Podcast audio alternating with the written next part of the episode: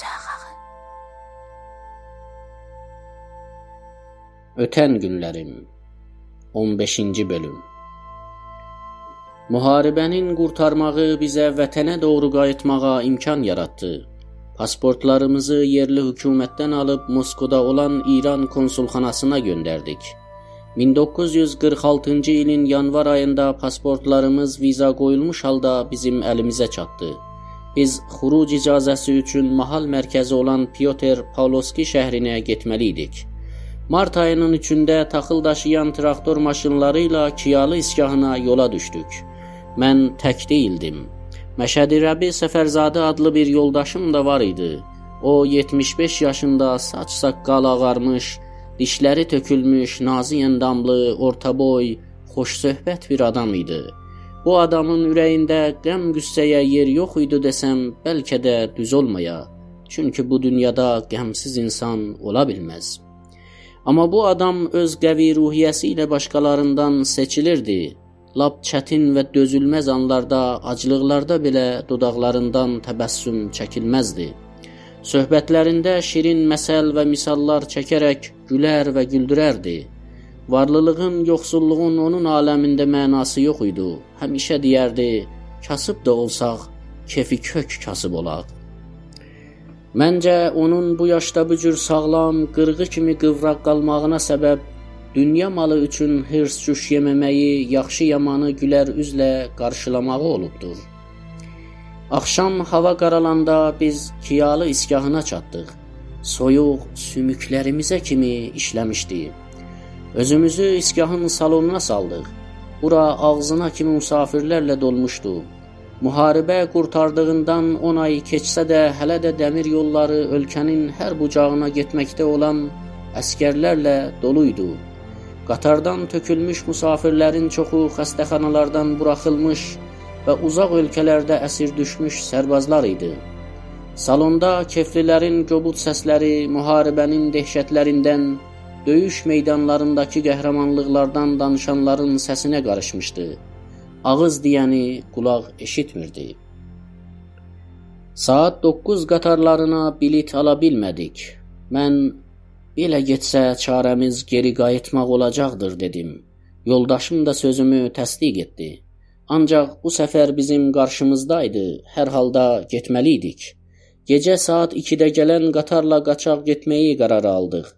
Çox zəhmət və cərimədən sonra özümüzü Pyotr Pavlovskiyə yetirdik. İdarədə çox yubanmadıq. Hətta o günün sabahı geri qayıtmağımıza bilet almaqda bizə kömək də etdilər. Bu gecəni daldalanmaq üçün hər hotel və ya mehmanxanaya müraciət etdiksə, boş yerləri olmadı. Hava qarışmış, yel əsir, qarborandan xəbər verirdi. Avara bir halda xiyabanları gəzirdik. Qabağımızda olan dörd yol ayrımında bir polis dayanmışdı. Məşədi Rəbi əyilib yavaşdan "Bax, əgər bizə yer düzəldə bilsə, bu adam düzəldəcək" dedi. Rus olsa sən danışdır, Qazaq olsa mənə ötür. İmtahanın xərci ki yoxdur dedim. Ona yaxınlaşıb salam verdik. O dodaq ucu salamımızı aldı. Yerli Qazaqlardan idi. Dərdimizi ona açdıq. Diqqətlə bizi gözdən keçirdi. Başını razılıq andıran bir işarə ilə tərpədib, "Mən yer düzəldərəm. Biraz dayanın" dedi. Bir baş vurub yenə yanımıza döndü. Mənim sizdən xoşum gəldi. Mən də müsəlmanam. Özünüzə yemək içmək alın. Bu gecəni mənim evimdə qalarsınız, dedi. Bazar yaxın idi, ancaq ölkə müharibədən təzəcə çıxdığından qıtlıq bahalıq idi. 1 kiloqram ət, 1 kiloqram da çörək alıb 100 manat verdik. Ət ilə çörəyin qiyməti bərabər idi.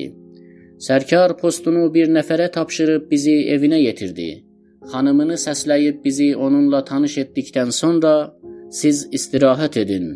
Mən də keşiyim qurtaranda gələcəyəm deyib xudahafizləşdi. Ev xanımı 24-25 yaşlarında nəzakətli və gözəl bir xanım idi. O bizə kiçik bir otaq nişan verib istirahət edə bilərsiniz dedi. Aldığımız şeyləri ona verdik. Özündən başqa 18 yaşında bir bacısı və 14 yaşında da qardaşı onlarla yaşayırdılar. Hamısı yerli qazaqlardan idi. Paltarlarımızı soyunub əl-üzümüzü yuduq. 2 günün yorğunluğu bizə zor gəlmişdi. Təxtixabımıza uzanan kimi yuxu bizi apardı. Saat 10-da xanım şam hazırdır deyə bizi oyatdı. Mən qoy sərkar gəlsin, şamı bahəm yeyək dedikdə o gecə saat 12-də gələcək, payını saxlarıq dedi. Biz yenicə nahar otağına keçmişdik ki, bacısı içəri girdi. Qonşuda abco satırlar dedi. Xanım, məyər məndə pul var ki, abco alam? Bəlkə qonaqlarımızda oldu deyib sadəliklə bizim üzümüzə baxıb gülümsədi. Biz bir-birimizin üzünə baxdıq. Pis yerdə girələmişdik. Mən neçəyə satırlar deyə sual verdikdə o tələsik ucuzdur. Vedrəsi 60 manatdır dedi. Gördüm doğrudan da ətə, çörəyə görə baxanda çox ucuzdur. Çıxarıb pulunu verdim. O götürüldü. 10 dəqiqə çəkmədi ki, bir vedrə arpa suyu ilə qayıtdı. Şamı yeyib biz yatdıq. Səhər oldu, gün çıxdı. Ancaq nə sübhanə, nə də çaydan xəbər olmadı. Anladıq ki, sərkar gecə işlədiyi üçün günortaya kimi yatacaqdır. Xanım da axşam bildirdi ki, pulu yoxdur. Bəs mümkündür onlar da elə günortaya kimi yatsınlar. Rəbi mən ki kasıb da olsaq, kefiköy kasıb olaq deyirəm. Bax, belə kefiköy kasıb deyirəm. Səhərə çörək pulları yox idi, ancaq abcuqsuz şam yemədilər. Ağzını qulağıma yaxınlaşdırıb əlavə etdi. Dur burdan əkilək. Yoxsa yol xərcimizi də qurtararıq dedi. Doğrudan da onların oyanmağını gözləmək bizim üçün darıxdırıcı idi. Xanımı yuxudan oyatdıq. Verdiyimiz zəhmətlər üçün təşəkkürlər edib xudahafizləşdik. Bizim razılığımızı sərkəra yetirməyini xahiş etdik. Dastancaq Mart ayının 10-undan səfər hazırlığına başladıq. Hər nəyimiz var idi, dəyər dəyməzinə satdıq. Həyəti və boğaz düyəmizi də ki, bu il inək sahibi olmaq arzusu ilə saxlamışdıq, satıb yol xərcimizi düzəltdik. Mart ayının 20-sində bir traktor Pyotr Pavlovskiyə yük aparacağını və bizim də onunla hərəkət edəcəyimizi xəbər verdilər. Bu səfərimizdə qabağımıza duran çətinliklərdən biri də 4 aylıq körpəmizi necə aparacağımız məsələsi idi. Körpənin adını Arif qoymuşduq. Eşik havasına adət etməyi üçün gündə 2-3 dəfə çölə çıxartmaq, havaya adət verməyimizi lazım gördülər. Birinci dəfə uşağı eşiyə çıxardanda o qədər çətinliklə nəfəs aldı ki, hamımızı qorxuya saldı. Ancaq yavaş-yavaş eşiyin soyuq havasına adət etməyə başladı. Dostum Muğatay xudahafizlik münasibətilə bizi qonaq dəvət etdi. Kəsdiyi qoyunun dərisini tuluq şəklində çıxardıb, "Bax, Arifi soyuq qətərindən fəqət bu qıllı tuluq saxlaya bilər." dedi. Biz tuluğu qurudub hərəkət gününə amadə etdik. Mart ayının 20-sində Novruz bayramının axşamı Pyotr Pavlovskiyə yola düşdük. Məşədi öz ailəsi ilə həmsəfərimiz olduğu üçün xoşhal idim. Muğatayın verdiyi qıllı tuluq doğrudan da Arifin canını satın aldı. İki günlük yolu o qıllı tuluğun içində amanda idi. Körpə ölən Arifin yerini doldurduğu üçün bizə qiymətli idi. Avrel ayının birində gəlib Moskva şəhrinə çatdıq. Dəmir yolu xətti burada əvəz olduğundan düşüb Qafqaz xətti ilə getməli idik. İsgahda adam qarışqa kimi qaynaşırdı. Burada da musafirlərin çoxu cibhələrdən, mərizxanalardan buraxılmış əskərlərdən ibarət idi.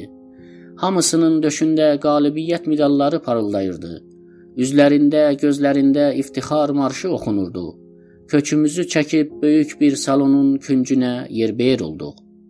Musafirlərin çoxluğundan həftələrlə bilet növbəsində yatanlar var idi. Bilet almaq mümkün değildi. Hər gün növbəyə durur, bilet yoxdur cavabını alırdıq. Üçüncü gün idi. Narahat bir halda çəkilib bir tərəfdə dayandım. Nə edəcəyimi düşünürdüm. Fikir, xiyal məni götürmüşdü. Bir tərəfdən də səs-küy məni lap gicəltmişdi. Bu anda bir nəfər qabağımda dayandığını hiss etdim. O mənə baxıb gülürdü. Başında tülkü dərisindən qıllı papaq, əynində sırıqlı kot şalvara vurulmuş yamaqların çoxluğundan parçasının əslini tanımaq mümkün olmayan, ayaq qabları dağılmış, dalında yüngül bir bağlıq olan orta boylu 34-35 yaşlarında ağbəniz və dolu sifət cavan bir adam idi. Mən duruxub mat-mat üzünə baxdığımı gördükdə "Məni tanımadın?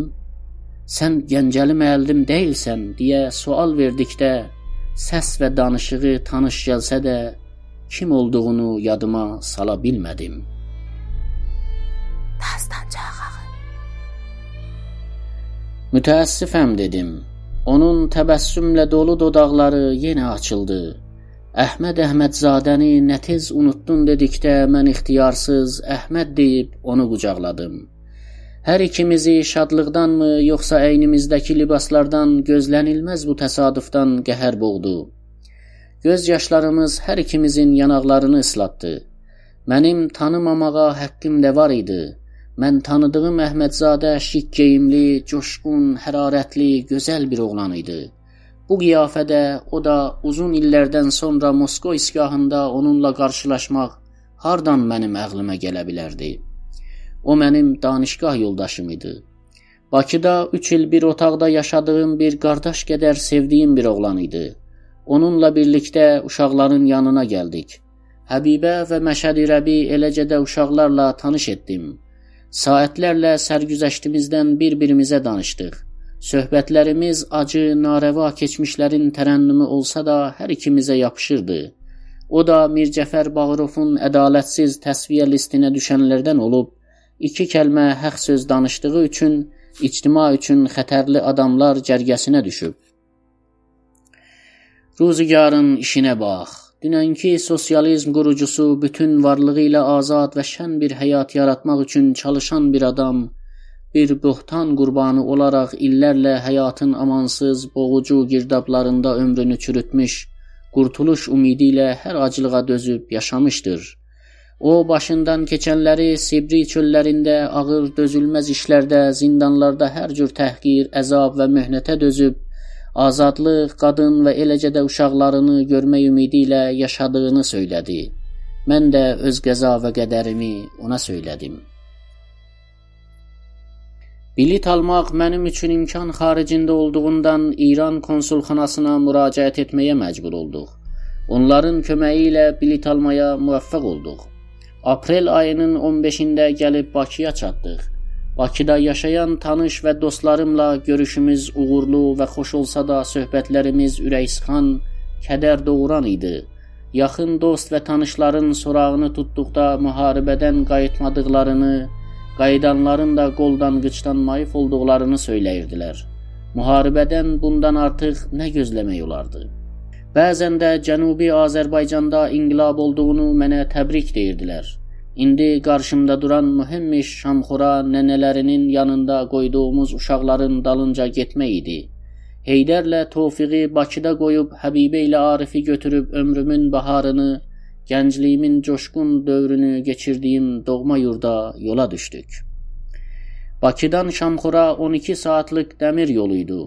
Səhər saat 8-də Dəlilər iskahında yerə düşdük. Günəş öz saçaqlarını hər yerə saçmışdı. Ətirli yaz havası ürəyə yatımlı idi. Bu yerlər mənə nə qədər doğma, nə qədər əziz idi. Kim deyə bilərdi ki, biz bir də bu yerlərə ayaq basacağıq? Keçmişdə burada musafir daşıyan faytonların yerini minik maşınlar almışdı. Üzüm bağlarının yanından ötdükcə keçmiş xatirələr gözümün önündə canlanırdı. Burdan Şamxora, yəni həmin Anenfildə 4 kilometr yoldur. 10 dəqiqə çəkmədi ki, Şamxora çatdıq. Burada aram və xoşbəxt bir həyat sürməkdə olan almanlılar da müharibənin amansız fırtınasına tutulmuşlar Başlarında şovnistlik havası olduğundan ölkənin əmniyyəti və məsləhəti xatirinə hamısını uzaq, əlçatmaz yerlərə təbid etmişdilər. Onların yerlərini yoxsul kargər və kəndli ailələrinə vermişdilər. Qabaqlarda işarə etdiyim kimi Azərbaycan inqilabından sonra bura rayon mərkəzi olmaqla adını dəyişib Şamxor qoymuşdular. Şamxorun şimalında dağların ətəyinə qədər uzanan böyük Morol kəndi Həbibənin ana yurdu, doğulduğu yer idi. Qaynanam Fatma xanımın evinə yaxınlaşdıqca Həbibənin ürək çırpıntısı artdığını aydın duymaq olurdu. 6 ildən bəri ürəyini yaxan odlu hicran gecə qaranlığı kimi yerini işığa, visala verməkdə idi. Ayrı düşmüş olduğu uşaqlarını, anasını, el-obasını görmək arzusu xəyaldan həqiqətə çevrilməkdə idi. Həyəcanının şiddətini ölçüb qələmə gətirmək mümkün değildi. Şamxorun xiyavanlarından keçdikcə Gəncəli müəllim, Gəncəli müəllim sözləri aydın eşidilirdi. Əllər havada oynadılır, təbəssüm üzləri işıqlandırırdı. Mən öz ürəyimdə bunu bir növ qədirdanlıq bilir, unudulmadığına sevilirdim. Axı mən 1920-ci il avrel inqilabından başlayaraq həmişə ictimai işlərdə sosializm quruculuğunda fəal surətdə çalışanlardan, birinci dəfə səhnəyə çıxanlardan, tutulan günə qədər hünərnümalıq edənlərdən həm də rejissor olmuşam. Bunlar öz yerində 1932-ci ildən orta məktəb müdiri və dəbir olmaqla bu məktəbi Azərbaycanda nümunə məktəblərin səviyyəsinə çatdırmışam. Həmişə xalqın içində olmaqla onların qəm və şadlığına şərik olmuşam. Əxlaq və rəftarımla şagirdlərimin, eləcə də xalqın qəlbində özümə az olsa da yer aça bilmişdim. Biz Fatma xanımın evinə çatanda gözləmədiyimiz bir istiqbal ilə qarşılandıq. Üç gün tamam görüşə gələnlərin arası kəsilmədi. Doğrusu xalqıda gördüyüm məhəbbət və səmimiyyət məndə dərin təsir buraxmış, məni heyran qoymuşdu. Biz dəstəcəmi zindana alındığımız zaman bəzilərinin qiyafəsində bir növ razılıq, xoşhallıq duyulduğu halda bu gün elə bil ki, gedər gəlməz bir səfərdən qayıtmış əzizlərini qarşılayırdılar. Coşqun bir halda qucaqlaşır, öpüşürdülər. Mənim duyuqduğumu görən Rıza müəllim heç də təəccüb yeri yoxdur dedi. Qanlı müharibə günlərində uzun müddətlər üz vermiş ayrılıq, itkinlik və ölümlər hamının ürəyini kövrəldib, mehribanlığını artırıb həmdərd edibdir. Kin, küdurət və nifrətə yer qoymayıbdır dedi. Üçüncü gün səhər saat 9-a yaxın qapı açıldı. Heydərlə Telli və Tofiq içəri girdilər. Fatma xanımın gözləri uşaqlara sataşanda balalarım deyib özünü uşaqlara yetirdi. Bağrına basıb duz kimi yalamağa başladı. Onları xala oğlanları Ənvər Əlipur bizdən xəbərsiz gedib Bakıdan gətirmişdi. Ənvər 22 yaşında qanı isti, ürəyi mehri məhəbbətlə çırpınan gözəl bir oğlan idi. Heydərlə həm yaşıd və uşaqlıqdan bir yerdə böyüdüklərindən dözə bilməyib gedib gətirmişdi.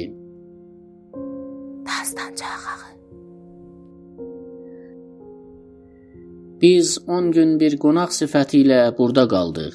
Bu mehriban insanlardan ayrılmaq nə qədər çətin olsa da gedərgidik. Pasportlarımıza viza qoyulmuşdu, ancaq getməyə heç mənim ürəyim gəlmirdi. Qaynanamın boynundakı həqqini ödəmək mənim borcum, vəzifəm idi. Tamam 8 il mənim uşaqlarımın zəhmətinə qatlaşmışdı. İndi mənim növbəm idi ki, onun xidmətində olam. Öz oğulluq vəzifəmi yerinə yetirəm.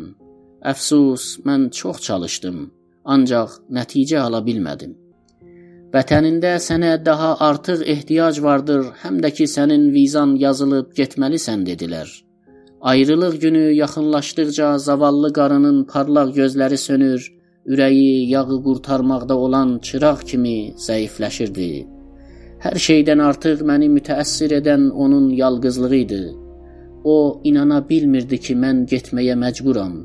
Xiyal edirdi ki, mən qalmaq istəsəm qalaram, özüm qalmıram. Ona görə də mənə bir namərd, vəfasız, qədir bilməyən, həqqə kör, bəlkə də vicdansız bir adam kimi baxırdı. Bunları mən onun ümidsiz, sönük və töhmət yağan baxışlarından, çəkdiyi odlu ahlarından aydın oxuyurdum. Ürəyim sıxılır, əqlim şaşırdı. Hər şeydən pis və acı burası idi ki, qala bilmədiyim cəhənnəm qızını illərlə üns bağlayıb adət etdiyi nəvələrini də əlindən alıb aparırdım. Ayrılıq dəqiqələrində keçirilmiş həyəcan və narahatlıqların ölçü biçimi yox idi. Mənim vəfasızlığım onun ürəyini üzdü. 3 ay sonra ölüm xəbərini aldıq.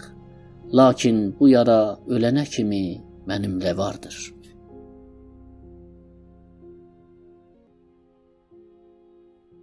Dastanca ağı